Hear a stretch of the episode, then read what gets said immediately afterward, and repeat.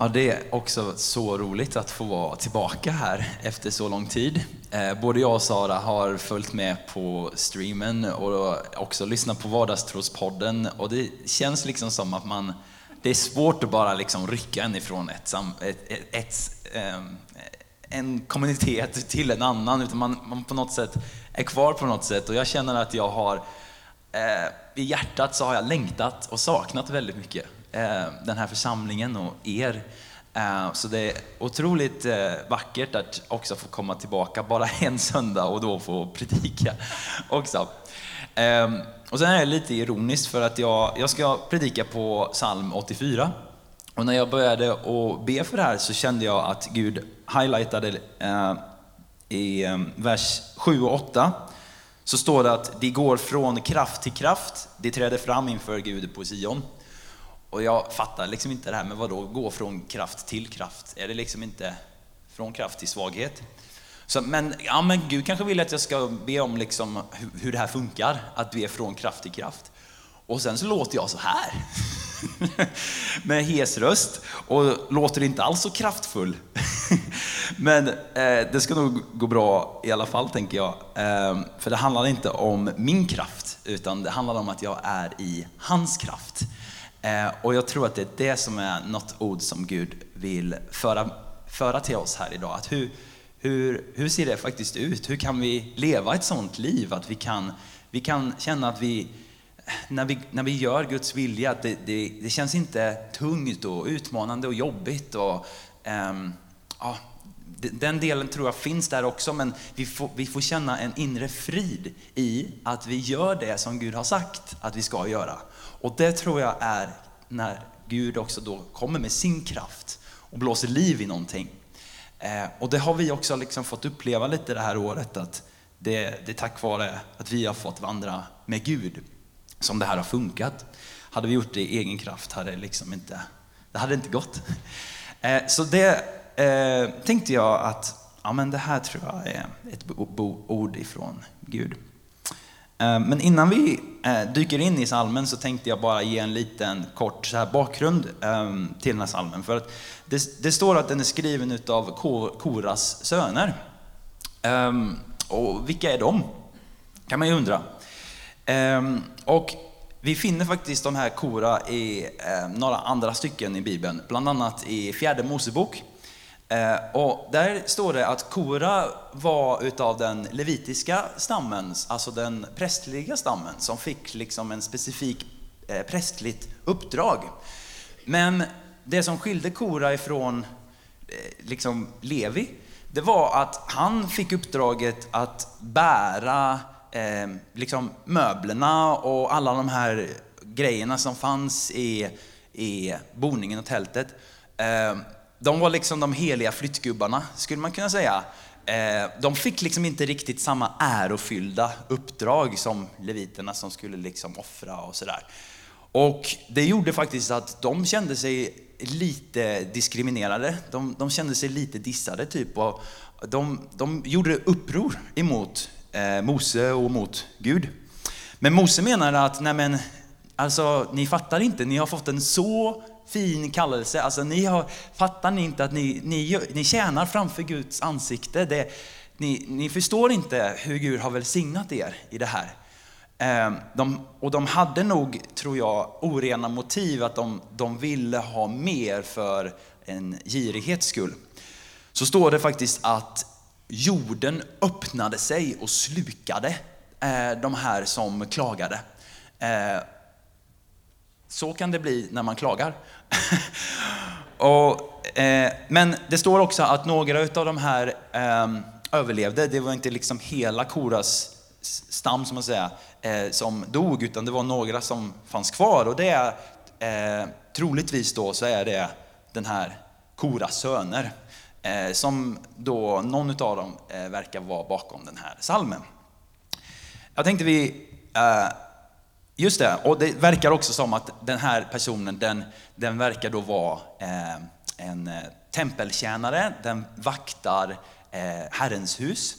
Eh, så då, om vi förstår, tar oss med in i salmen med den här bakgrunden så kanske vi kan förstå salmen lite bättre. Vi börjar med att läsa från vers 1 till 5. Står det. För sångmästaren till Gittit, en psalm av Koras söner. Hur ljuvliga är ej dina boningar, Herre Sebaot. Min själ längtar och trängtar efter Herrens gårdar. Min själ och min kropp jublar mot den levande guden. Ty sparven har funnit ett hus och svalan ett bo åt sig, där hon kan lägga sina ungar. Dina altaren, Herre Sebaot, min konung och min Gud. Saliga är de som bor i ditt hus, de lovar dig ständigt. Så här i början så finner vi att salmisten psalmisten här bör, eh, beskriver hur mycket han älskar Herrens hus. Hans själ längtar och trängtar. Jag tänkte på det när vi sjöng, eh, så brister själen ut i lovsångsljud. Det är liksom mycket mer än bara lite harmoniskt sådär, woo! utan det här är ett glädjeskrik. De brister ut i glädje att få vara i Herrens boning. Och det här ordet trängtar, jag tyckte det var lite intressant. Det är inget ord som jag brukar använda i min vardag. Ehm, jag vet inte hur ni är, men inte jag i alla fall. Eh, och jag kollar upp det lite, vad, vad betyder det egentligen? Längtar och trängtar. Och jag hittade någonting som var ganska intressant. Eh, för att tydligen är det så att det här ordet trängtar, det används i ett annat sammanhang i första Mosebok, när Gud fullbordade skapelsen. Så alltså så skulle vi kunna se det här ordet som att jag längtar och är fullbordad i din närvaro.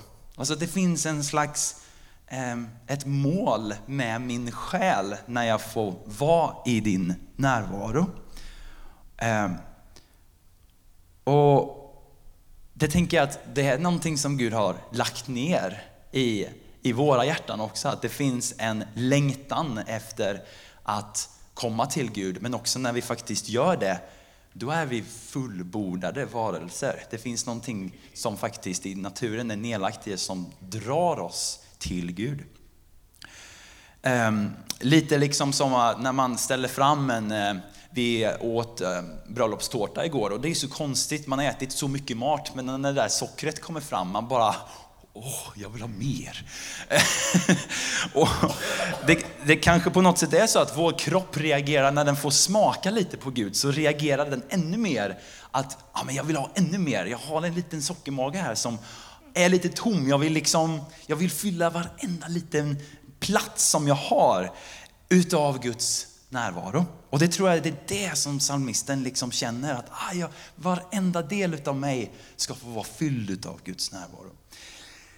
Eh, det här tänker jag blir väldigt mycket mer anmärkningsvärt när vi då vet att eh, Koras söner hade ju en ganska speciell relation med, med vad Gud hade gjort i, i, för deras förfäder. De hade ju klagat och de hade blivit straffade. Och det är så enkelt kanske att då tänka att nej men, sönerna vill inte alls ha någonting med Gud att göra. Alltså istället för att då liksom dra sig nära Gud, då kanske de istället vill liksom dra sig bort och, nej men jag är nog rädd för Gud. Jag vill inte komma fram inför honom, för han är en läskig typ som, som straffar. Men istället så är det som att psalmisten vet att när han kommer till Guds boning så kommer han att bli välkomnad. Han vet att Gud är inte den som Eh, inte ger en andra chans. Utan han vet att när jag kommer till Gud så kommer han att fullborda min själ. Jag tror, har inte vi ofta också kanske gjort samma slags uppror eh, i våra liv som eh, Koras söner? Jag har i alla fall gjort det och jag har jämfört mig med andra och tänkt att amen, deras kallelse den ser så mycket spännande ut Den, än min eller deras liv, det verkar ju flyta så mycket bättre. Gud, var, varför, är, varför verkar det vara så orättvist? Eh, när vi kom till Australien så, vi hade ju ingen aning om hur vi skulle bo. Vi hade bott här uppe i kyrkan eh, på eh, en av de här stora lägenheterna. Jag tror det är typ 120 kvadrat eller någonting sånt. Jättestort. Och så kommer vi till det här lilla, lilla rummet med inget, inget kök och liksom, ing, det är liksom, ja, det, det, var inte riktigt samma ärofyllda känsla. Så. Och jag kände bara, men, mm, vad är det här? Det, det, det, var inte kanske det jag hade föreställt mig. Det är väldigt lätt att bli besviken. Um, och det är nog det att när vi börjar jämföra oss med andra, för då ser vi liksom vad, vad jag inte har, som andra har. Men så insåg jag ändå att ja, men, här sitter jag och klagar på vad jag inte har. Men sen, samtidigt så ser jag inte det som jag, faktiskt, som jag faktiskt har och som Gud har välsignat mig med. Alltså alla de här fantastiska morgnarna där jag fått kunna gå ut och sitta i solen och äta frukost. Alltså även i november och december, januari. Nej men, det gör de inte hemma. och jag, det är en liten del, jag vet att det här är ett litet exempel, men jag tror att vi kan på något sätt överföra detta till större grejer i våra liv där vi känner att men vi är orättvist behandlade. Men jag tror att Gud kanske bara vill faktiskt vända vårt perspektiv och visa vad, vad har jag gett dig? Vad är det för unikt som jag har gett dig? Kanske sitter du också här och känner liksom likadant som jag. Ehm, men också så tror jag säkert att det finns många som sitter och känner det här längtar och trängtar. Jag gör kanske inte det. Längtar jag verkligen efter Gud? Eller trängtar jag efter Gud? Eller min, min relation med, med Gud, den, den, känns liksom lite sådär, ja, den, den är okej, okay. den är lagom. Det är inte så mycket mer än så, men, men ja, jag, jag får så mycket som jag vill, men det, det, det räcker liksom. Ehm, men jag tror, jag tror faktiskt att Gud vill att vi ska kunna också få längta efter honom. Och jag tror att när vi, när vi börjar vända oss mot saker och ting så får vi också begär för det som vi vänder oss mot. Jag har haft perioder då när jag har tittat jättemycket på The Office. Och det känns som ett, ett tv-program. Och det känns som att det är bara det här som jag, liksom, när jag, när jag har en ledig tid, det är bara det här. Och sen går det en period och sen bara så dör det. Och sen är det någonting annat. Och samma sak har det varit med Gud, att när jag har vänt mig till honom, även då kanske när jag inte känt för det, när jag har verkligen sökt honom med hela mitt hjärta, då är det som att Gud har lagt ner ett begär i mig att vilja ha mer utav honom. Jag får liksom inte nog. Det är, liksom, det är som en källa som bara vill, vill ha mer och mer. Och om du inte har det där begäret, då tror jag nog att vänd dig till honom. Börja läsa hans ord, börja och be. Och jag tror att Gud kommer också att fullborda din själ. Han kommer ge dig också, känslan kommer komma. Men det krävs också att vi säger vårt ja, att vilja komma till honom. Um, sen så avslutas vers 5 också med ett löfte. Det står saliga är de som bor i ditt hus, de lovar dig ständigt. Ehm, och i Nya Testamentets ögon så förstår vi att nu så går vi inte till tempel längre för att möta Gud, utan templet är inom oss. Så i Nya Testamentets ögon så skulle vi nog kunna översätta detta med saliga är de som har Jesus i sina hjärtan. Han bor, fullheten i Gud bor inom dig. Du är välsignad tack vare att han bor i dig. Vi fortsätter läsa nästa del av salmen, vers 6 till 8.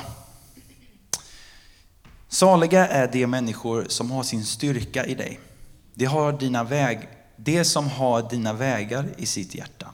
När de vandrar genom Tåredalen gör de den rik på källor och höstregnet höljer den med välsignelser. De går från kraft till kraft, de träder fram inför Gud på Sion.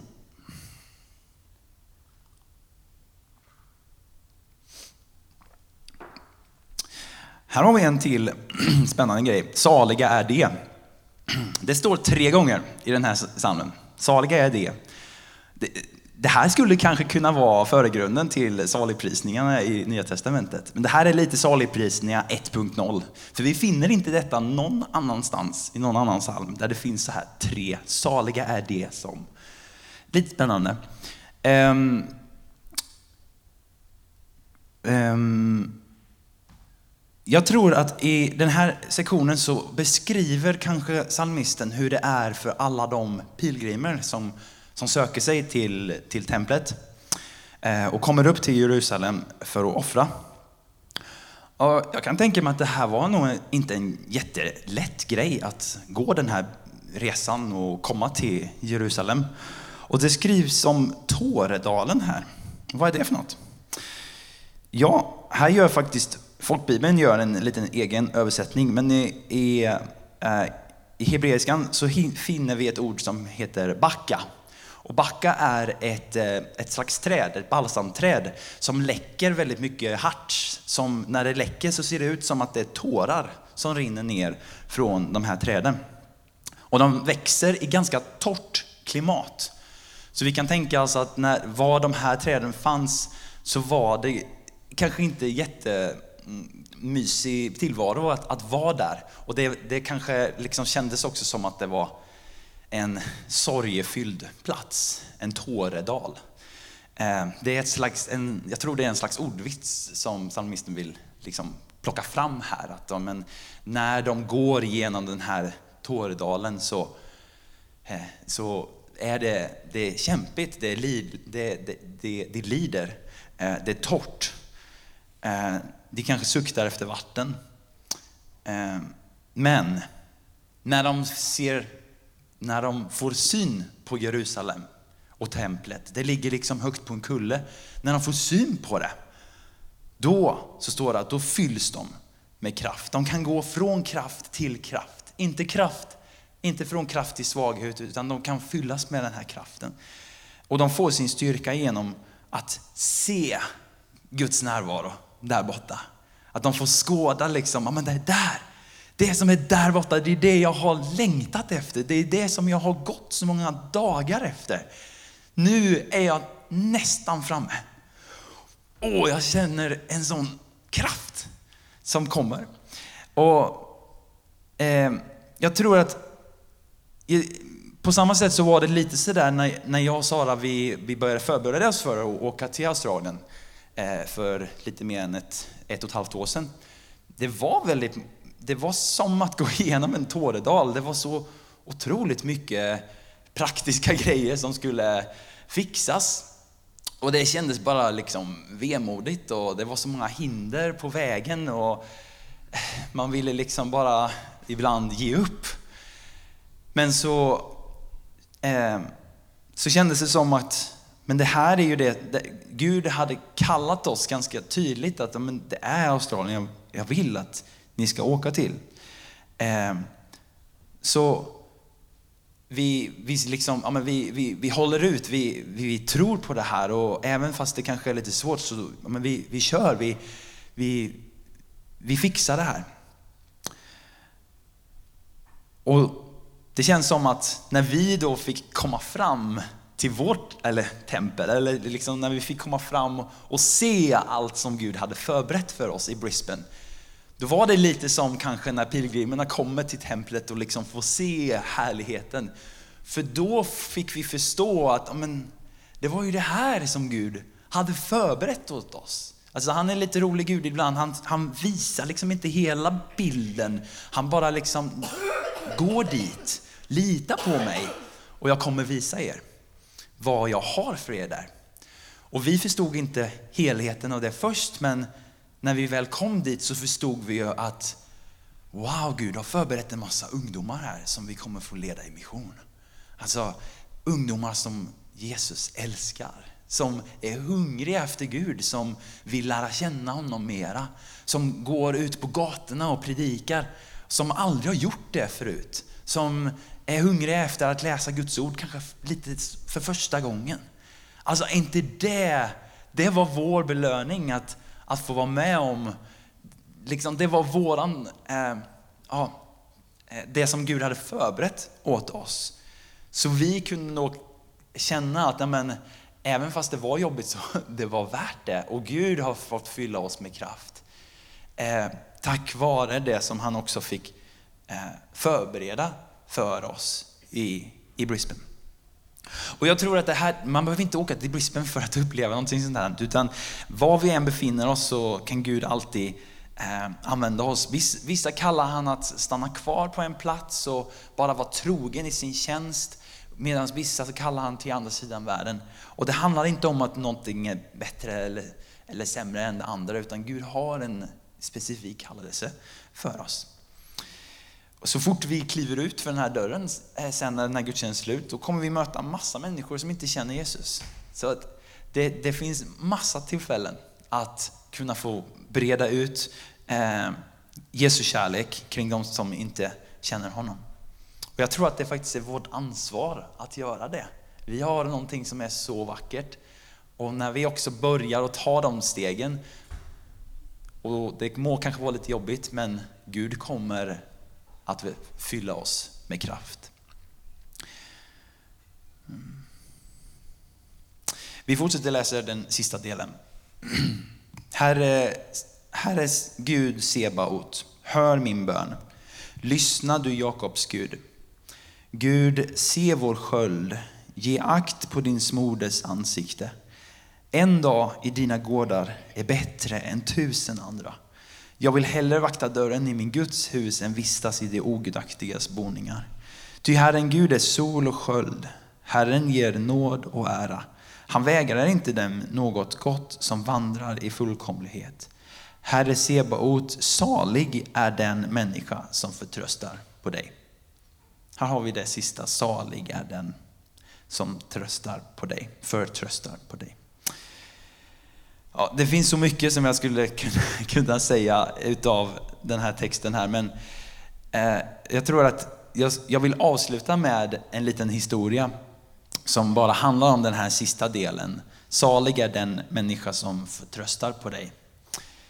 Eh, något som jag har hållit som en ganska stor rättighet i mitt liv är att ha kontroll över mitt eget liv.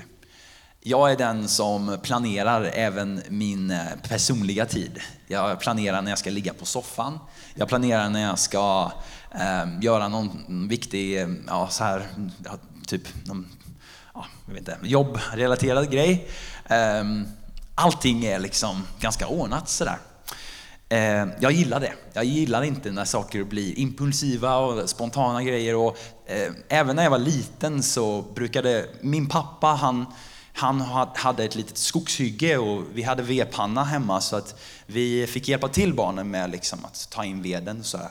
och hade pappa glömt att säga dagen innan att vi skulle gå ut till det skogshygget och samla in ved, utan han säger direkt att ja, men nu, nu är det dags Marcus, nu ska vi gå ut då jag, jag hade så svårt för att bara vända tanken och göra det där. Jag, det var många gånger jag gjorde lite revolt mot det där. Nej, men du skulle sagt det igår. Om, jag kunde, om du kunde sagt det igår, då hade jag planerat det idag och då hade jag gjort det. Men nu sa du det inte igår, så nu tänker jag inte göra det. Så där, så där kanske jag är lite, eh, lite grann fortfarande. Ehm, och jag har lite svårt för att ta liksom, sådana impulsiva grejer. Ehm, Ni förstår kanske vad jag ska komma till, men det här är ju något som Gud ville, ville lite så här jobba i mig. Um, och jag kände så här att, amen, när vi kom till, till Australien så, det var så mycket som vi inte visste. Alltså vi, vi hade ingen koll på vilka människor vi skulle jobba med och vad vi skulle göra och hur det skulle se ut eller någonting.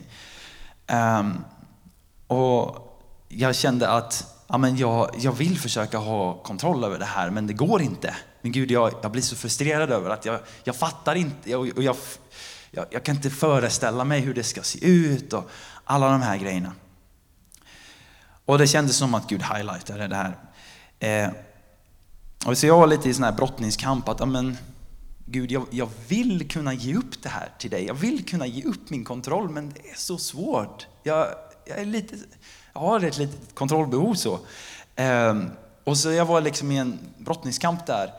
Eh, och sen åkte vi till en stad två timmar bort eh, som heter Toowoomba. Eh, och på morgonen så hade jag liksom pratat med Gud ganska mycket om det här. Att amen, jag vet inte hur jag, hur ska jag kunna, Gud öka min tro i att du har kontroll. För jag vet att du, du är den som har kontroll, men jag känner det inte. Eh, och när jag väl kom till Toowoomba så hade vi, vi hade lite undervisning och sådär och det var en person från den basen där som kom fram och bad för oss och lite så. Eh, och sen så när han kom till mig och jag hade specifikt bett en bön eh, på morgonen som var Gud bara ge mig mer tro på att du håller. Ge mig mer tro på att jag, jag behöver inte ha kontroll själv. Och den här mannen han kom fram och så sa han att Mark, eh, han sa på engelska så här, Marcus, I feel like you are such a man of faith. Alltså Marcus, jag ser att du är en sån man av tro.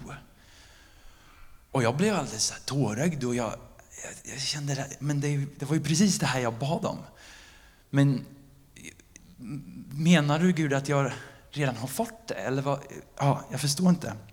Så jag tog lite tid i att bara liksom prata med Gud om det här och jag kände att Gud fortsatte att prata med mig och sa att, men Gud, eh, Marcus, om du börjar att lita på mig, om du börjar att be de stora bönerna och ha förtröstan på vad jag kan göra, då kommer jag också visa dig vad jag kan göra. Men du måste ge mig tillträde. Du måste ge mig utrymme. Du måste kunna få lita på mig, annars så kan jag inte göra det. Någonting som har varit viktigt för mig de senaste, det senaste året är att när jag bara går i det som jag förstår med min tro, då begränsar jag Gud så otroligt mycket. För jag tror Gud är så mycket större. Jag förstår inte allt. Jag tror inte vi någon gör det. Um, och det här är en, fortfarande någonting som jag vandrar i, som jag vill försöka utmana mig själv i. Att jag, jag vill ha en större tro. Och jag vill be de där specifika bönerna som jag kan säga att om det händer det där, då är det bara Gud som har gjort det. Jag, jag, jag tror att Gud också välsignar oss när vi förtröstar på Gud på det sättet. Saliga är det som förtröstar på Gud. Och jag har inte sett allt det som jag har bett om att gå i uppfyllelse eller så, men det handlar inte just nu om det, utan nu handlar det om att jag får ge upp min egen kontroll och ge det till Gud. Och kanske det är så att det finns fler här inne som kanske behöver också få göra den, den resan. Idag, som jag sa, vi har, vi har templet inom oss och det, det, betyder faktiskt att vi lever i ett så mycket bättre tillstånd än vad den här psalmisten eh, levde i. Eh, vi har Guds boning inom oss och vi behöver därför inte bara liksom längta till Gud utan vi kan också bara få prata med honom. Han är här. Eh, jag tänker hur mycket mer borde vi då inte vara tacksamma för det? Hur mycket mer borde vi inte vara tacksamma för hans närvaro i våra liv? Hur mycket mer borde vi inte alltid vilja umgås med honom? Jag vill ha den längtan som psalmisten hade, men jag vill också kunna förstå att jag kan alltid prata med honom. Jag tror att den här psalmisten förstod någonting om Gud som är en lärdom för oss. Vi finner så många olika sätt som Gud beskrivs i den här salmen. Här är Sebaot, han är Jave, han är den levande guden, han är min kung, han är min Gud, han är Gud på Sion, han är Herren Gud Sebaot, han är Jakobs Gud, han är Gud Elohim, han är Herrens Gud. Och om vi förstår vem Gud är, ja men varför skulle vi då inte vilja komma till honom? Gud är den som kommer med kraft och auktoritet. Jave, han är förbundets Gud. Den som håller sina löften och håller det som han har sagt. Han är den levande guden till skillnad från alla andra gudar. Han är den som, som lever än idag. Han är den uppståndne guden. Han är min Gud, en personlig Gud som jag kan få möta var jag än är. Jag kan få ha en relation med honom. Han är Gud på Sion, han uppenbarar sig för mig genom Jesus och jag kan få ha en relation med honom. Han är Jakobs Gud, den som ger hopp och den som ger en andra chans. Han är Elohim, den som upprättar och skapar och som skapar våra liv. Han är Han är Gud. Varför skulle jag inte vilja vända mig till honom? Varför skulle vi inte vilja vända oss till honom? När vi förstår hur mycket Gud har välsignat oss med sin närvaro tror jag att vi, vi verkligen kan leva i ett sånt liv från kraft till kraft. I alla motgångar, i våra tåredalar kan vi liksom pilgrimerna få fyllas med liv när vi har gemenskap med honom. Så Gud, jag tackar dig för vem du är. Jag tackar dig för vem du är. Jag tackar dig för din närvaro. Jag ber om förlåtelse när jag har tagit den för givet.